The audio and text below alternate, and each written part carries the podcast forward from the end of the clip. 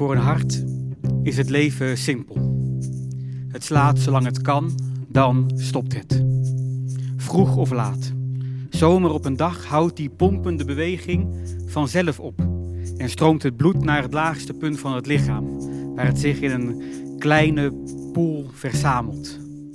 Aan de buitenkant zichtbaar als een zachte, iets wat donkere plek op de steeds witter wordende huid. Terwijl de temperatuur daalt, de ledematen verstijven en de darmen zich legen. Deze veranderingen gedurende de eerste uren vinden zo langzaam plaats en voltrekken zich met zo'n onverbiddelijkheid dat ze bijna iets ritueels krijgen. De enorme zwermen bacteriën die zich in het innerlijk van het lichaam verbreiden, kunnen door niets meer worden tegengehouden. Hadden ze het een paar uur eerder nog geprobeerd, ze zouden onmiddellijk op weerstand zijn gestuurd. Maar nu is alles stil om hen heen. En dringen ze steeds dieper door in al dat vochtige en donkere. Ze bereiken de kanalen van havers, de crypten van Lieberkoen, de eilandjes van Langerhans. Ze bereiken het kapsel van Boman, de columna van Clark, de zware substantie van het Mesensee-vallon. En ze bereiken het hart. Het is nog steeds intact. Maar verstoken van de beweging waar de hele constructie op is afgestemd, heeft het iets wonderlijk uitgestorvens. Net een bouwplaats die in alle haast door de bouwvakkers is verlaten.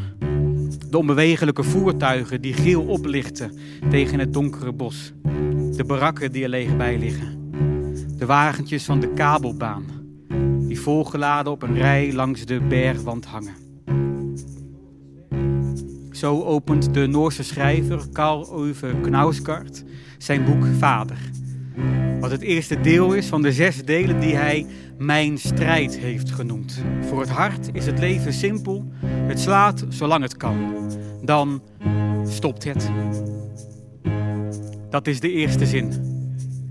De rest van de bijna 4000 bladzijden gaat over alles wat het leven als zoon als vader, als man, als schrijver, als persoon in wiens borstkas dat hart zo onverstoorbaar doorklopt totdat het vroeg of laat zijn laatste slag slaat, niet simpel maakt.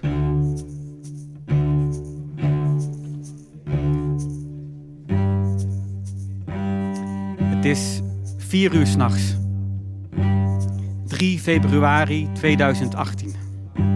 Ik loop door de straten van wat 30 jaar geleden een nieuwbouwwijk moet zijn geweest. In een doorsnee dorp met doorzonwoningen hoog in het noorden van Nederland. Veel witte stenen dus.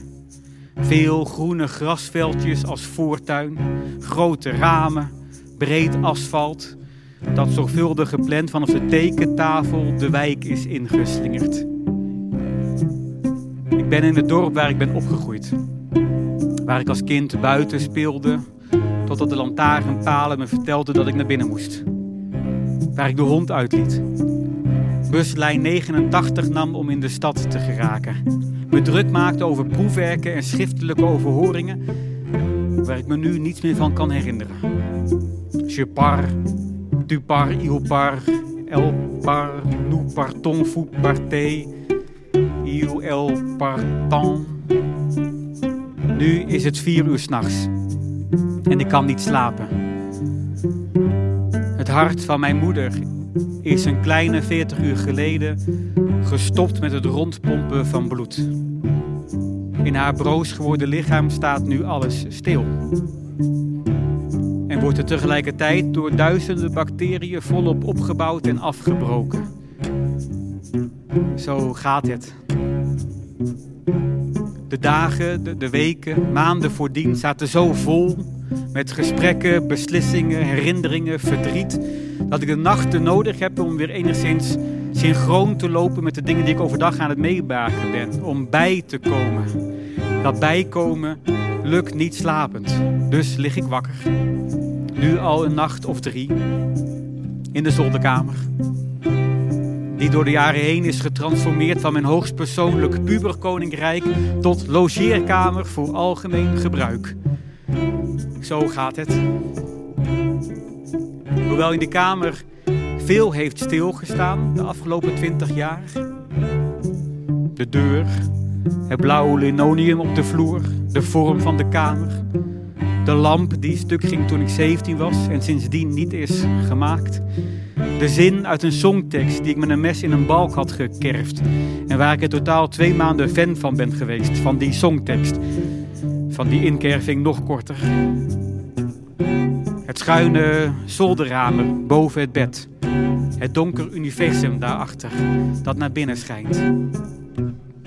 Ondanks dat zoveel hetzelfde is gebleven, past de kamer me niet meer zoals hij vroeger deed.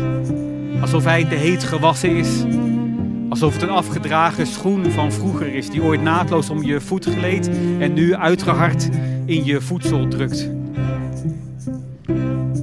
In de nacht van uh, woensdag op donderdag woel ik onder een te hete deken. Staar ik naar boven, naar de sterrenhemel. En denk ik na over wat ik in hemelsnaam moet gaan zeggen op de begrafenis overmorgen. En waarom ik eigenlijk spreken moet. Waarom ik niet iedereen gewoon met zijn eigen verdriet alleen kon laten. Waarom ik mijn herinneringen zo nodig delen moet. Ik kijk op mijn mobiel, zie dat het vier uur is en besluit op te staan. Ik kleed me aan, sluip twee trappen af, de woonkamer door. Langs het dode lichaam van mijn moeder dat daar op een koelbed ligt.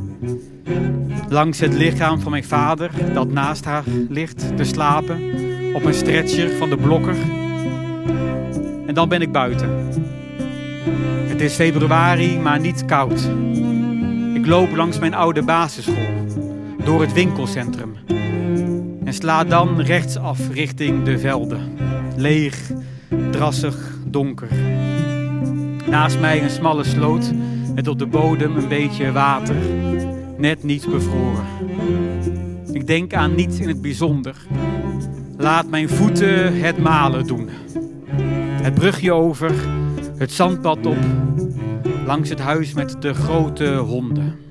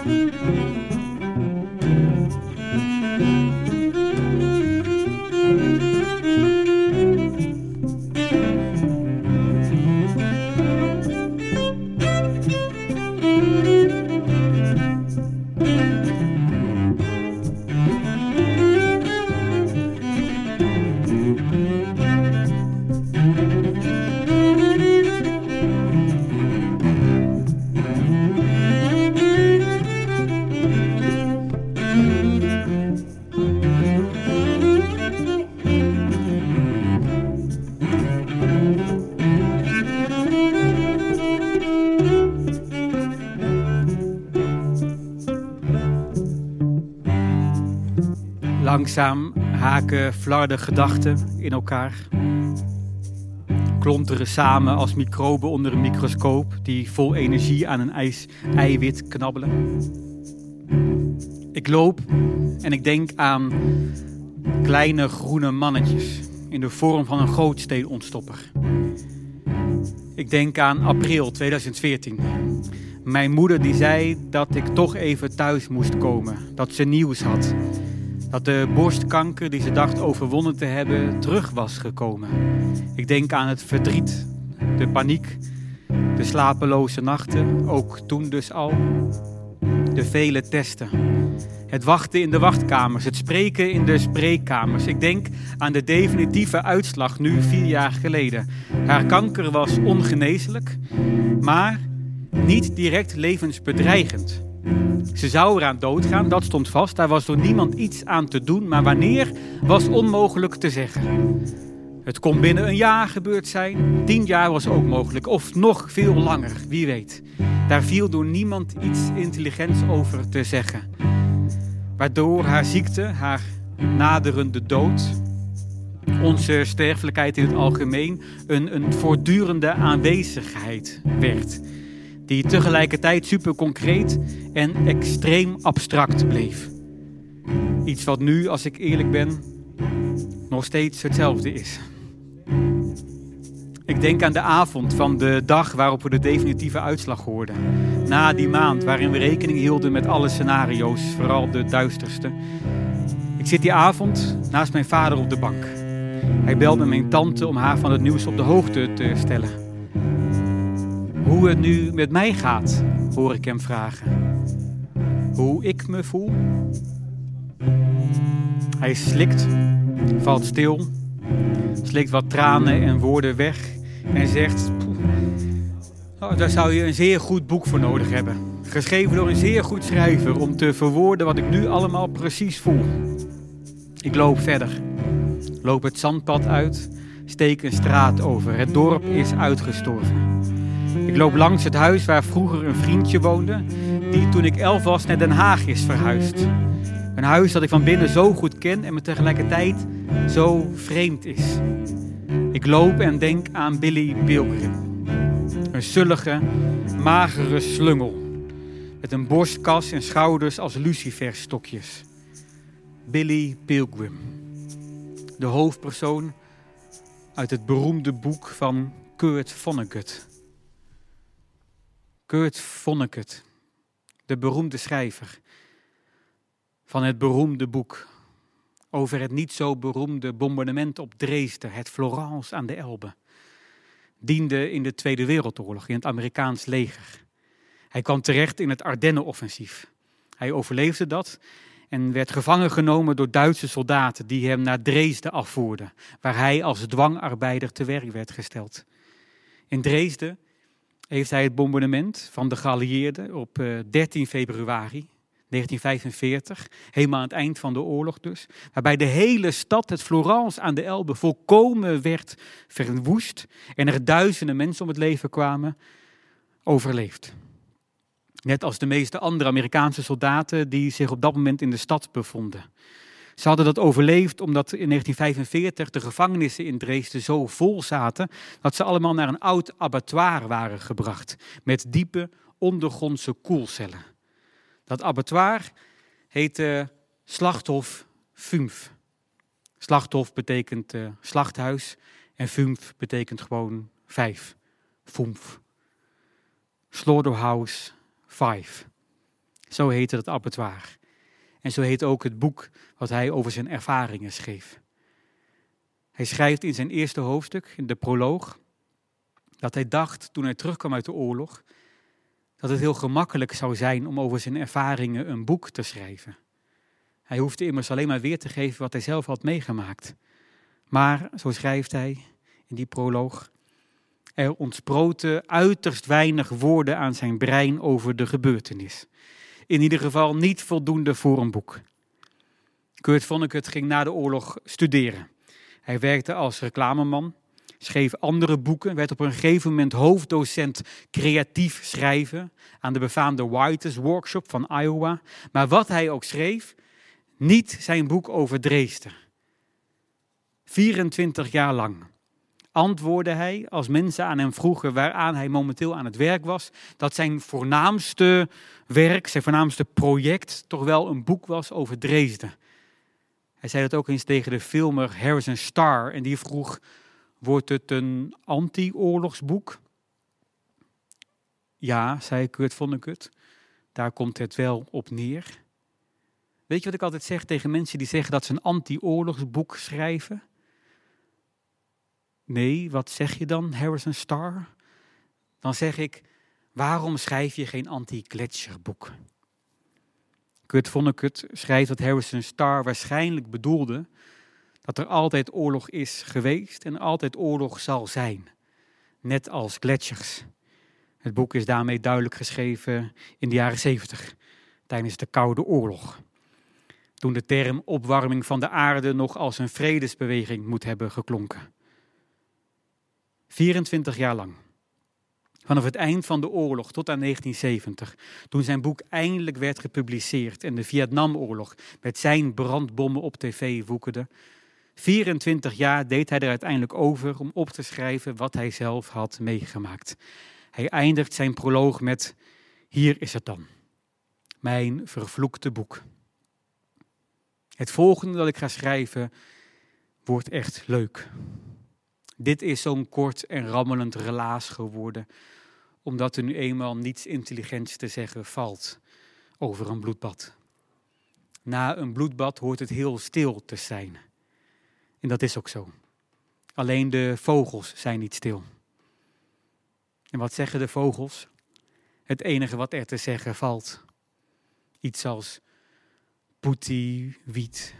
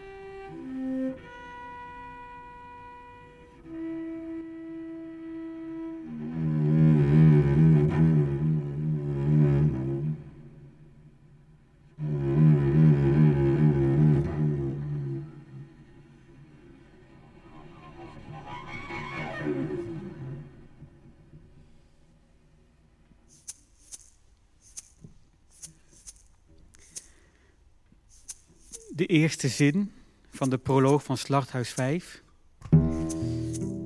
is: Dit is allemaal min of meer waar gebeurd.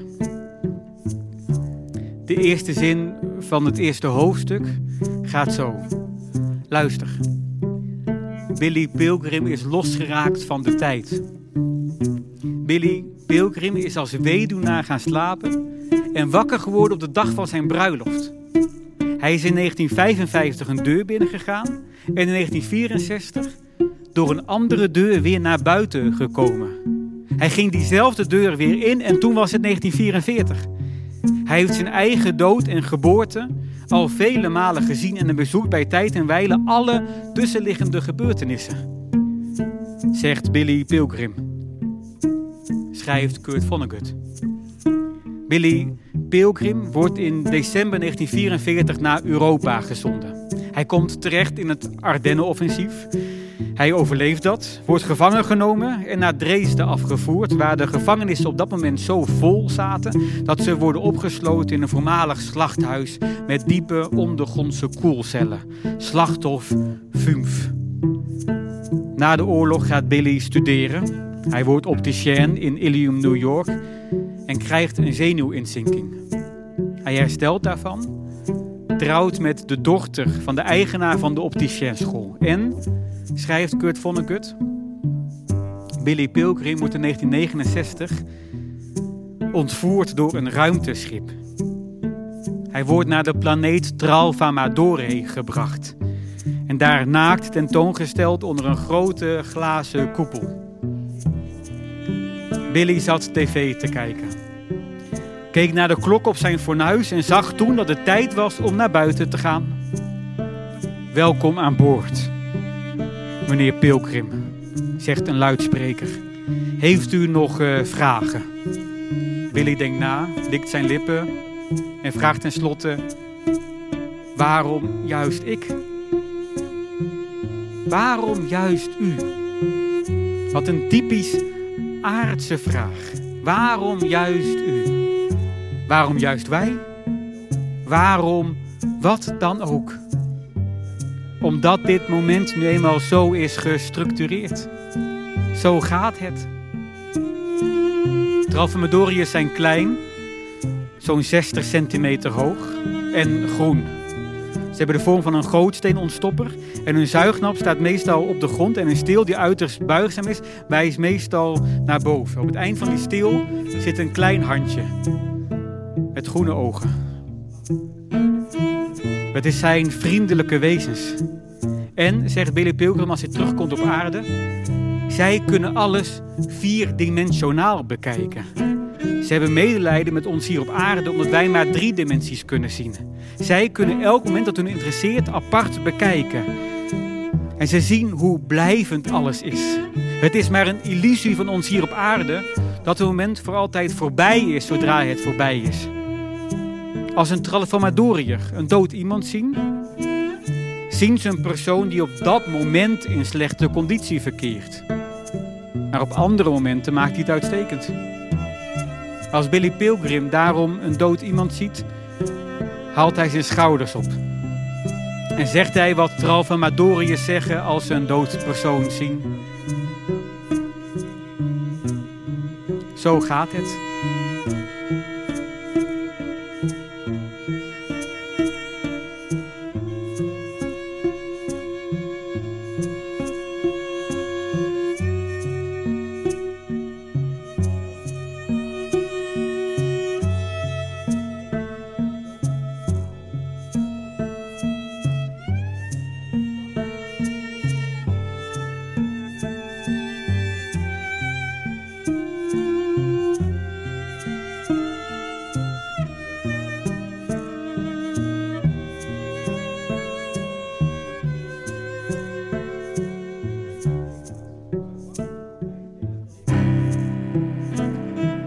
Zes uur ochtends als ik thuis kom.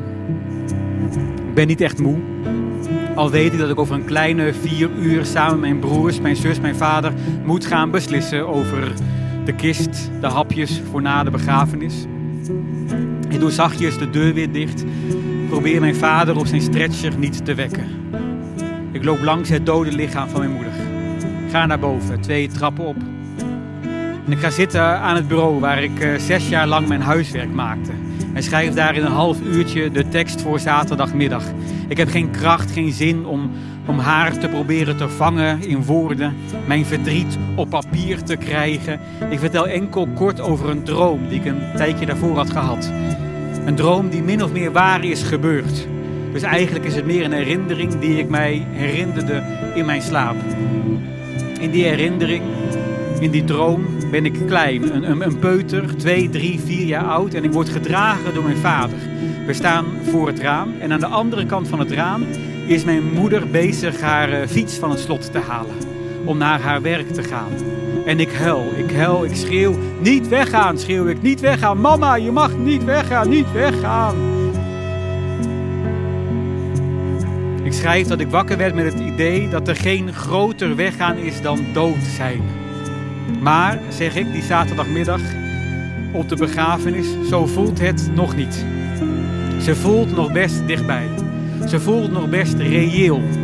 Net zo reëel in ieder geval als, als Beijing of New York, steden die ik nu ook niet kan zien, waarvan ik, waarvan ik toch weet dat ze ergens bestaan.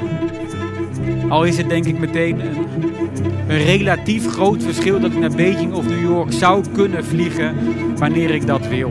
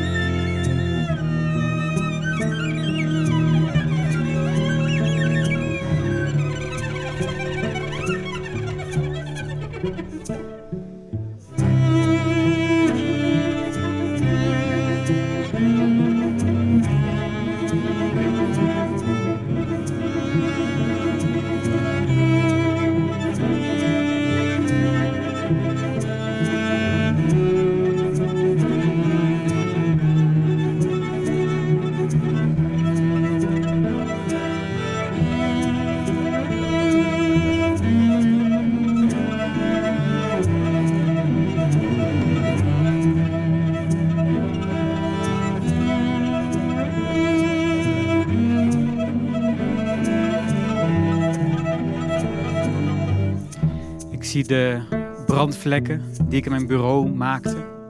Toen ik als 17-jarige het leuk vond om tijdens het huiswerk uh, maken watjes in de fik te steken. Zo ging het. En ik vraag me dan af wat er van deze ochtend, donderdag 3 februari 2018, kwart voor zeven inmiddels, toen al bestond. Wat er van deze ochtend, deze week, in die dagen dat ik toen huiswerk maakte, al besloten lag. Alleen nog maar hoefde te gebeuren. Dan denk ik aan een voorstelling die ik uh, ooit maakte. Een voorstelling over het gevoel van machteloosheid versus het ideaal van maakbaarheid. Hoe die twee uitersten met elkaar vechten. Een voorstelling over wat er nog open ligt en wat er al vast staat. En de wijsheid om het verschil daartussen te zien. En ik vroeg voor die voorstelling toen aan mijn vrienden met wie ik ooit kampvuren lang sprak over de toekomst, over waar we zouden gaan studeren, waar we zouden wonen, wat we moesten doen in het leven en de liefde. Ik vroeg aan hen wat voor hun gevoel in hun leven van dit moment nu het direct gevolg is geweest van een keuze die ze ooit hebben gemaakt. Voor wat van je huidige leven heb je echt bewust en zelf gekozen? En wat is je overkomen? Of was het gevolg van een keuze van iemand anders? Of van het universum? We kwamen niet zo ver in dat gesprek.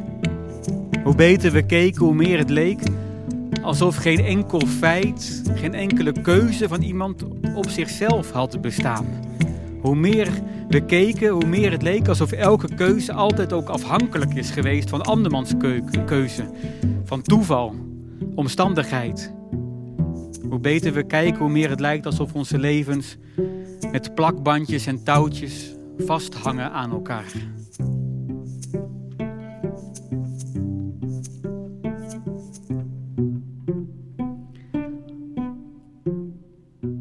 Op hetzelfde moment dat het leven het lichaam verlaat, behoort het lichaam tot het doden, tot de lampen, de koffers, de kleden, de deurklinken, de ramen tot de akkers, de moerassen, de beken, de bergen.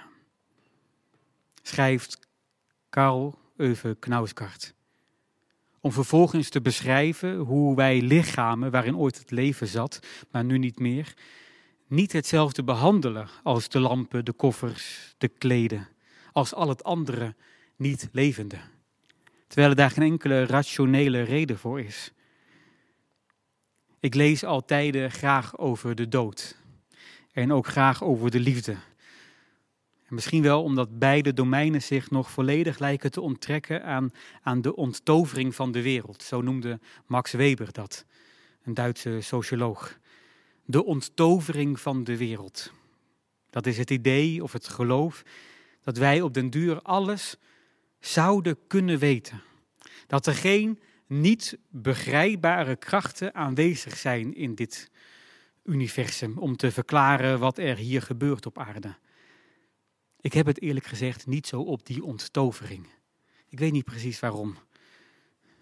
Misschien wel omdat ik het gevoel heb dat je enkel alles kunt weten als alles vaststaat. En ik heb het gevoel dat als alles vast zou staan, dat dat betekent dat het niet uit meer maakt wat ik dan denk of doe of zeg of droom of wil, omdat de uitkomst toch al besloten ligt in dit nu, alleen nog maar hoeft te gebeuren. De eerste keer dat, dat Billy Pilgrim losraakte van de tijd, is als hij samen met de andere Amerikaanse krijgsgevangenen naar het oosten moet lopen, naar de trein die hen naar Dresden zou brengen. Eén grote stroom soldaten, een hand op hun hoofd, kilometers moeten ze lopen. En dan raakt zijn wezen los van zijn lichaam en zwaait het zijn hele leven langs. Hij reist naar 1954, naar zijn eigen opticienzaak, waar aan de muur van zijn praktijk een spreuk hangt. Geef mij de kracht om te veranderen wat ik kan veranderen. Geef mij de moed om te accepteren wat ik moet accepteren. En geef mij de wijsheid om het verschil tussen die twee te zien. En dan schrijft Kurt Vonnegut, tot de dingen waaraan Billy Pilgrim niets kon veranderen, behoorde het heden, het verleden en de toekomst. Die zin kwam bij mij binnen als een, als een schok. Ik snapte zo goed dat als je gevangen genomen bent en met je handen op je hoofd naar het oosten moet marcheren, dat er dan niets is dat je kunt veranderen aan het heden, het verleden en de toekomst. Waardoor het hele leven niet meer dan een videoband wordt, die je wel heen en weer kunt spoelen, maar waarvan je de loop van het verhaal niet meer kan veranderen. Die, die kleine groene wezentjes leggen op een gegeven moment uit aan Billy Pilgrim hoe het heelal aan zijn einde komt. Wij, wij blazen het op, zeggen ze. We zijn aan het testen met een nieuwe brandstof en dan drukt de testpiloot op een rode knop en dan verdwijnt het heelal. Maar als jullie dat dan toch weten, kunnen jullie dat toch voorkomen? Kunnen jullie niet ervoor zorgen dat die piloot niet op die knop drukt? Die piloot heeft altijd op die knop gedrukt en zal dat altijd blijven doen. Wij hebben dat altijd toegestaan en zullen dat altijd blijven doen. Dat is nu eenmaal de structuur van dat moment. Zo gaat het.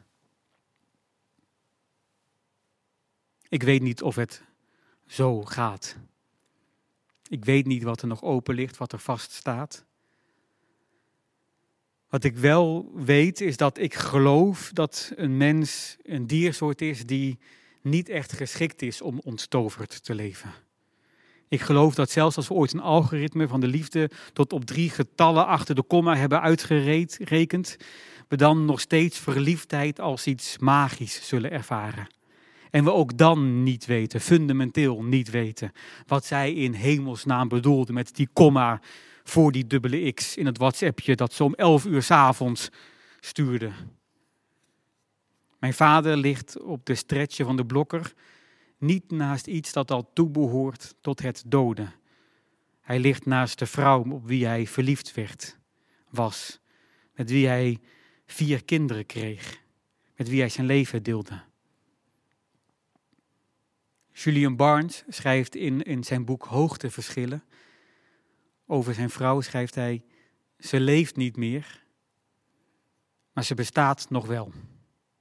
Wat ik een betoverend mooie zin vind. En waar bestaat ze dan?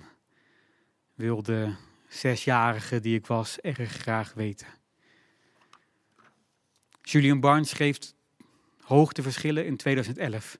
In 2013, een dun boekje. Dat bestaat uit drie delen. In de eerste twee delen spreekt hij over de eerste stapjes in de uitvinding van de luchtballon, eind 19e eeuw hoogtejaren van de verlichting, de vooruitgang van Max, Weber. Hoe men over het kanaal probeerde te vliegen zonder echt te weten of dat kon en hoe het werkte. Hoe ze zonder iets te weten van luchtstromen altijd maar moesten zien waar ze uitkwamen. In dat derde deel doet hij verslag van de vier jaren rouw sinds zijn vrouw overleed aan kanker. Op de achterkant staat de aanprijzing van een journalist die het vijf sterren geeft. Barnes voegt twee dingen bij elkaar die nog nooit eerder samenkwamen. De geschiedenis van de ballonvaart en de dood van zijn geliefde. Levert dat magie op? Ja, beslist. In deel 3 schrijft Julian Barnes: In onze jonge jaren is de wereld grofweg verdeeld in twee groepen. Zij die al seksueel actief zijn geweest en zij die dat nog niet zijn geweest. Later in zij die liefde hebben ervaren en zij die nog geen liefde hebben ervaren. Nog weer later, als we geluk hebben, althans, of pech, is ze verdeeld in zij die verdriet hebben gekend en zij die dat nog niet hebben gekend. Die scheidslijnen zijn absoluut. Het zijn keerkringen die we passeren. Het is inmiddels drie maanden na het overlijden van mijn moeder, als ik dat boekje lees.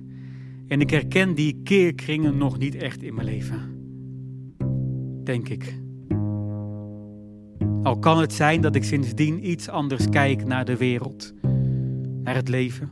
Of in ieder geval iets andere dingen zie. In die, in die wandeling, in de nacht van woensdag op donderdag, twee nachten voor ik spreken moest op haar begrafenis, blijf ik om zes uur ochtends, terwijl het buiten nog donker is, voor een raam staan. Ik blijf staan kijken naar wat achter dat groot, helverlicht raam zich daar afspeelt in een glazen koepel. Een vrouw in ochtendjas, staand. Een kind van nauwelijks twee, of jonger nog, in een hoge stoel aan tafel, brood in een plastic zak, drie potten, twee pakken, een trommel voor de lunch. Een man in pak, ook staand, aktentas in zijn hand, wit overhemd, het jasje over de stoel gehangen nog. En het afscheid dat zij nemen. Ze lijken stil te staan achter dat groot verlichte raam. Als is het een soort, een soort schilderij.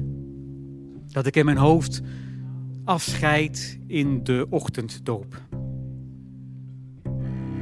En ik denk voor een kort moment aan dat kind in die stoel. En dat hij ooit op een dag die moeder, die moe en in een ochtendjas de vader een kus geeft voor de dag, verliezen zal. En ik denk voor een kort moment hoe fijn. Hoe fijn dat terwijl ik nadenk over wat ik eigenlijk zeggen moet op de begrafenis overmorgen en waarom ik überhaupt spreken zal, er even verderop in de straat broodtrommels worden gemaakt voor de lunch om 12 uur. Alsof de wereld gewoon is doorgegaan met draaien, niet stil is komen te staan. Ik denk aan het beroemde schilderij van de Amerikaanse schilder Hopper, Nighthawks. Waar drie mensen aan de bar in een café zitten, achter een groot verlicht raam in een donkere stad. Misschien denk ik dan op dat moment, terwijl ik het schilderij dat ik voor mij zie inmiddels omdoop tot Nachtegaal in de Phoenixwijk, heb ik altijd verkeerd naar dat schilderij gekeken, naar die Nighthawks ging het helemaal niet om de eenzaamheid van de man aan de toog. Maar ging het over de eenzaamheid van de man die na die mensen keek. De man aan de andere kant van het raam. Aan de andere kant van het schilderij. Hij die het zag. En niet bij hen. Achter dat glas, in dat café, aan die ontbijttafel komen kon. Loop door.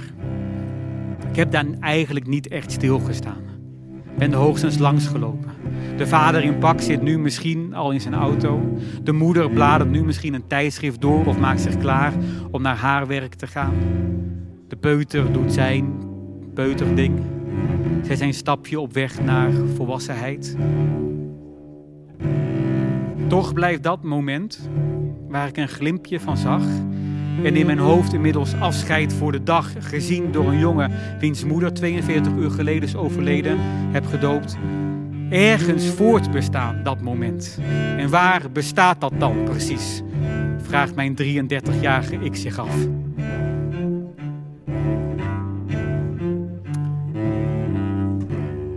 Verder denk of voel ik weinig andere dingen sinds deze keerkring overgang.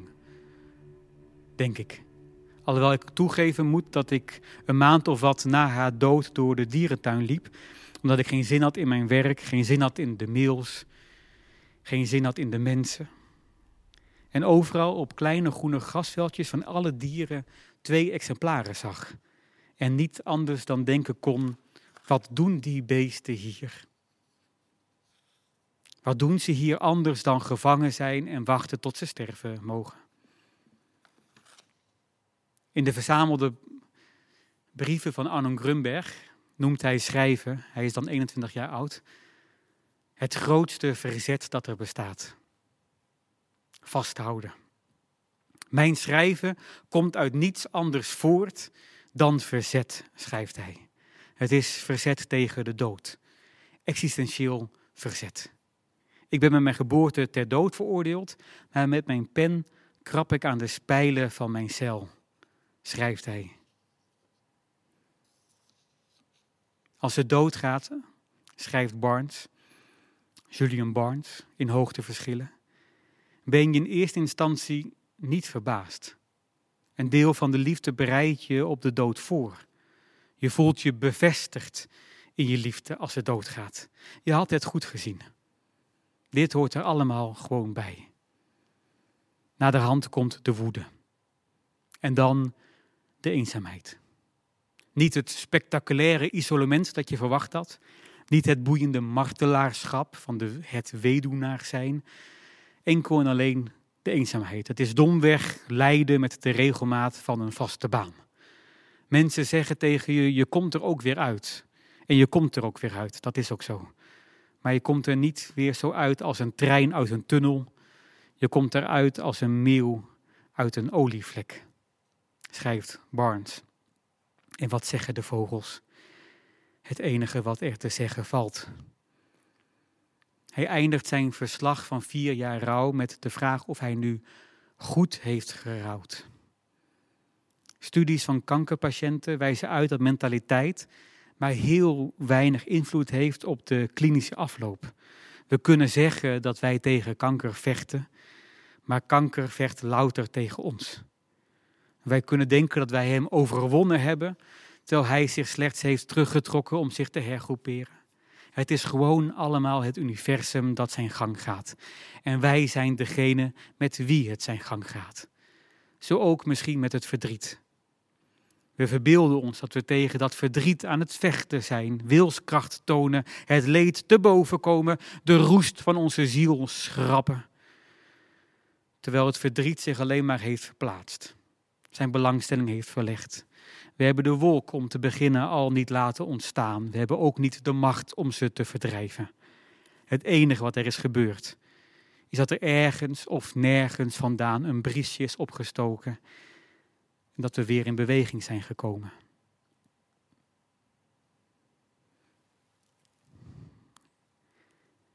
Knausgaard schrijft in zijn Mijn Strijd, schrijft zijn Mijn Strijd omdat hij vast zit. Vast zit in zijn leven, vast zit in zijn schrijven, in zijn gezin en dacht, ik ga het gewoon eens allemaal opschrijven. Alles gewoon eens opschrijven. Mijn alcoholische vader, mijn jeugd, mijn schrijfambities, de liefde voor Linda, mijn vrouw, mijn kinderen, Vanja, Heidi en John en al het geluk en al de stroop en al de ellende die het gezinsleven voor mij betekent. Hij schrijft, we vierden kerstmis, terwijl de sneeuw buiten meters hoog lag. Vanja en Heidi zagen mij terwijl ik mijn kerstmanpak aantrok maar waren toch als betoverd. Toen ik met een zaklantaarn in mijn hand door al die sneeuw aankwam lopen. Na de kerst gooide ik mijn manuscript weg en begon opnieuw aan dit boek. Ik stond elke ochtend om vier uur op, werkte door tot de kinderen gehaald moesten worden en daar ben ik mee doorgegaan tot nu, nu ik hier dit zit te schrijven. Het verhaal van vorige zomer, dat ik net verteld heb, het verhaal over hoe Linda een zenuwinzinking kreeg en hoe ik doorging met schrijven, haar daarmee verder ten gronde richten. En nu hoe ik ook dat weer opschreef, ziet er in het echt heel anders uit. Weet ik. Hoe dat komt. Omdat Linda een mens is. En het wezenlijke aan haar zich niet laat beschrijven. Haar heel specifieke aanwezigheid. Haar wezen, haar ziel die er de hele tijd waren aan mijn zijde, die ik zag en kende, volkomen onafhankelijk van wat er verder allemaal gebeurde. Die scholen niet in wat ze deed, niet in wat ze zei, maar in wie ze was. Het schuilt in wat ze is. Over Heidi gebogen, terwijl ze haar iets in haar oor fluistert. Heidi haar borrelende lach laat horen. Liggend op de bank met Vanja bovenop zich, lachend om wat onze dochter zei de tederheid in de blik waarmee ze John aankijkt en haar hand in mijn nek. Warm. Haar absoluut naakte blik. Het is inmiddels zeven over zeven en de roman is eindelijk klaar. Over twee uur komt Linda hierheen en dan zal ik haar omhelzen en haar vertellen dat ik klaar ben. Daarna nemen we de trein naar Malmö stappen in de auto en rijden we naar ons huis. En de hele rit zal ik genieten. Echt genieten van het idee dat ik geen schrijver meer ben. Van al het schrijven kun je je afvragen of het zin heeft. Maar van het schrijven van een begrafenistekst juist niet. Dat zegt een vriendin tegen mij, die zelf veel schrijft en met wie ik mijn twijfels deelde omdat je moeder voor een deel in jou bestaat en je dat deel delen moet. Omdat ze in het samenkomen van al die delen op die dag dan en daar het meest bestaat.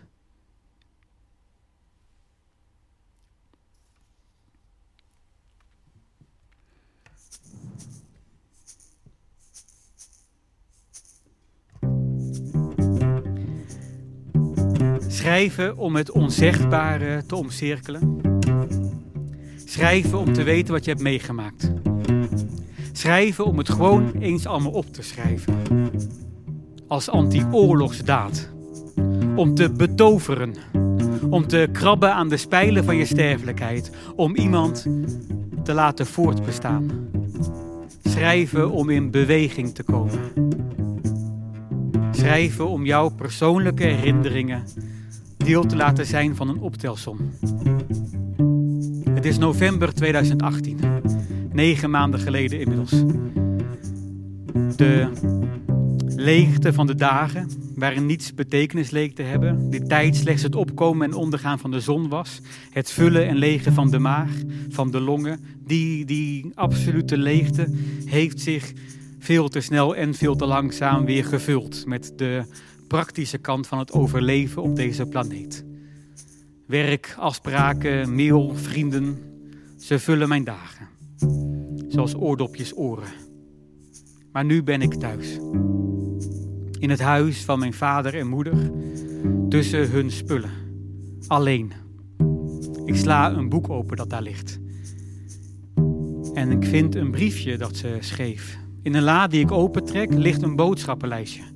Met dingen die zij kopen zou. Aan de muur hangen foto's waar ze op staat of die ze nam. En als ik goed om me heen kijk, is ze overal. Haar agenda's die daar liggen.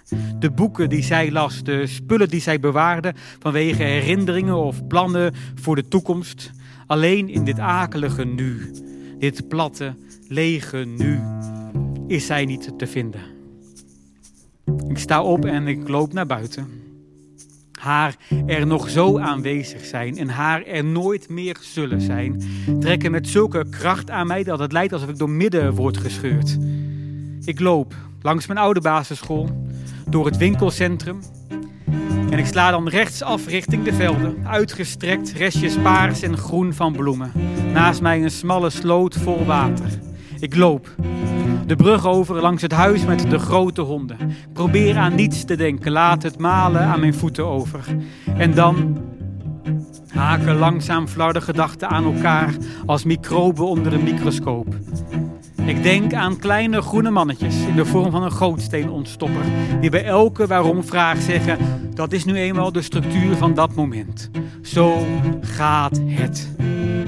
Wat voor mij begint te voelen alsof ik in een klein zeilbootje zit en door enorme stormen over de oceanen wordt geblazen.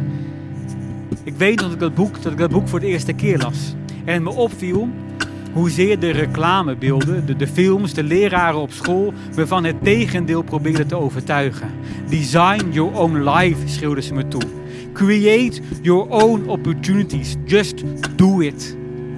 En hoe zelfs de overheid bijna uitsluitend sprak over de burger als individu, die het heft in eigen handen moest nemen, zijn eigen zorg moest regisseren, verantwoordelijk is voor zijn eigen slagen en zijn eigen falen in onze maatschappij. Waar dat individu dan ook nog eens verantwoordelijk voor is. Als jij niet wilt dat de aarde overstroomt, dan neem je toch lekker niet het vliegtuig naar je vakantieparadijs. Als jij niet wilt dat je overspannen geraakt, dan neem je toch even lekker een vliegtuig naar een vakantieparadijs. Wat voor mij voelt alsof ik in een klein bootje zit, een optimistje, en naast een olietanker vaar die ik door het tegenaan te duwen van zijn koers vermoed laten veranderen. Het leven van de onttoverde mens in een neoliberale wereld. Verantwoordelijk voor alles, invloed op niks. Denk ik. Terwijl ik verder loop. De brug over, Langs het huis waar dat vriendje van vroeger woonde, wiens ouders van elkaar scheiden toen hij tien was, waardoor hij naar Den Haag verhuizen moest. Zo ging het. Het is het eind van de middag en het begint te schemeren. En vlakbij zie ik een grote groep spreeuwen. Ik blijf stilstaan om er naar te kijken. Ze voeren in de lucht een, een waanzinnig spreeuwenballet op. Als één groep zweven ze van links naar rechts, veranderen met duizelingwekkende snelheid van vorm en grootte, schijnbaar strak geregisseerd door een grote choreograaf. Door een groot choreograaf. Ik herinner me dat ik ooit eens aan een bioloog vol verwondering had gezegd dat ik niet snapte hoe al die individuele spreeuwen weten wat ze moeten doen om al die verschillende vormen te krijgen. Dat weten ze natuurlijk ook niet, dat hij geantwoord. Elke spreeuw probeert gewoon constant twee dingetjes te doen. Zo dicht mogelijk bij de ander te blijven en niet tegen zijn buurman te botsen. Dus als de een een beetje naar links gaat, gaat de ander dat ook. En aangezien iedereen zowel reageert als keuzes maakt, waarop dan weer door anderen wordt gereageerd, reageert iedereen simpelweg op elkaar. Ik denk aan het videobanddeterminisme van de Tralfamadorius. Ik denk aan het eigen verantwoordelijkheid eerst van de politici, de reclamemensen, de neoliberalen. Ik denk aan die middag in april 2014, het nieuws dat mijn moeder te horen had gekregen en hoe zij aan die uitslag niets veranderen kon. Ik denk aan de wandeling twee nachten nadat ze stierf en of ik die als individu nou besloten had om te maken. En ik weet niet wat ik kan veranderen, wat ik moet accepteren. Zie die spreeuwenzwerm en denk, misschien geloof ik dat wel. Dat we spreeuwen zijn. Niet verantwoordelijk voor het geheel van het ballet, maar voor de vorm van de zwerm. Maar wel met de mogelijkheid om onzichtbaar tegen je buurman aan te duwen. En daarmee de vorm te veranderen.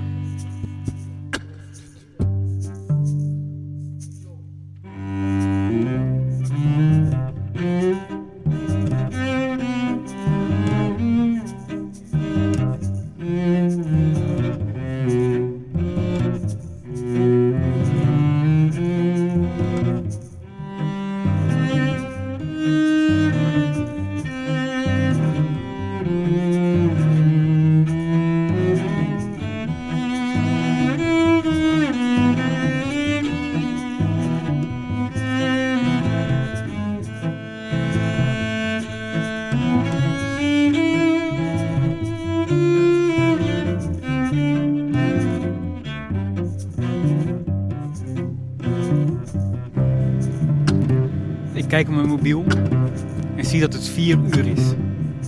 Tijd om naar huis te gaan. Mijn vader zal zo thuiskomen, zodat we samen kunnen eten. Ik loop langs het huis van de Nighthawk in de nieuwbouwwijk. Mijn basisschool, het winkelcentrum. En ik vraag me af hoe het nou zou voelen voor zo'n individuele spreeuw om te vliegen in zo'n spreeuwenzwerm. Of je dat onzichtbare duwen van je buurman eigenlijk merkt. Of je soms denkt, laten we allemaal naar links gaan. Of je af en toe een, een glimp krijgt van de vorm die je samen aan het maken bent. Die moment dat je die vorm stilletjes voor jezelf wilt beschrijven alweer voorbij is. Opgelost is in de tijd. Ik denk aan mijn vader. En denk, waarschijnlijk heb je voor het verwoorden van hoe het voelt om in zo'n spreeuwenwolk te vliegen voor het verwoorden van, van hoe het voelt voor een individuele spreeuw, een heel goed boek nodig. Geschreven door een heel goed schrijver. Iemand bijvoorbeeld die over de dood van zijn vrouw durft te schrijven met behulp van een stilhangende luchtballon in 1900. Over het stilstaande hart van zijn vader, met behulp van een verlaten bouwplaats.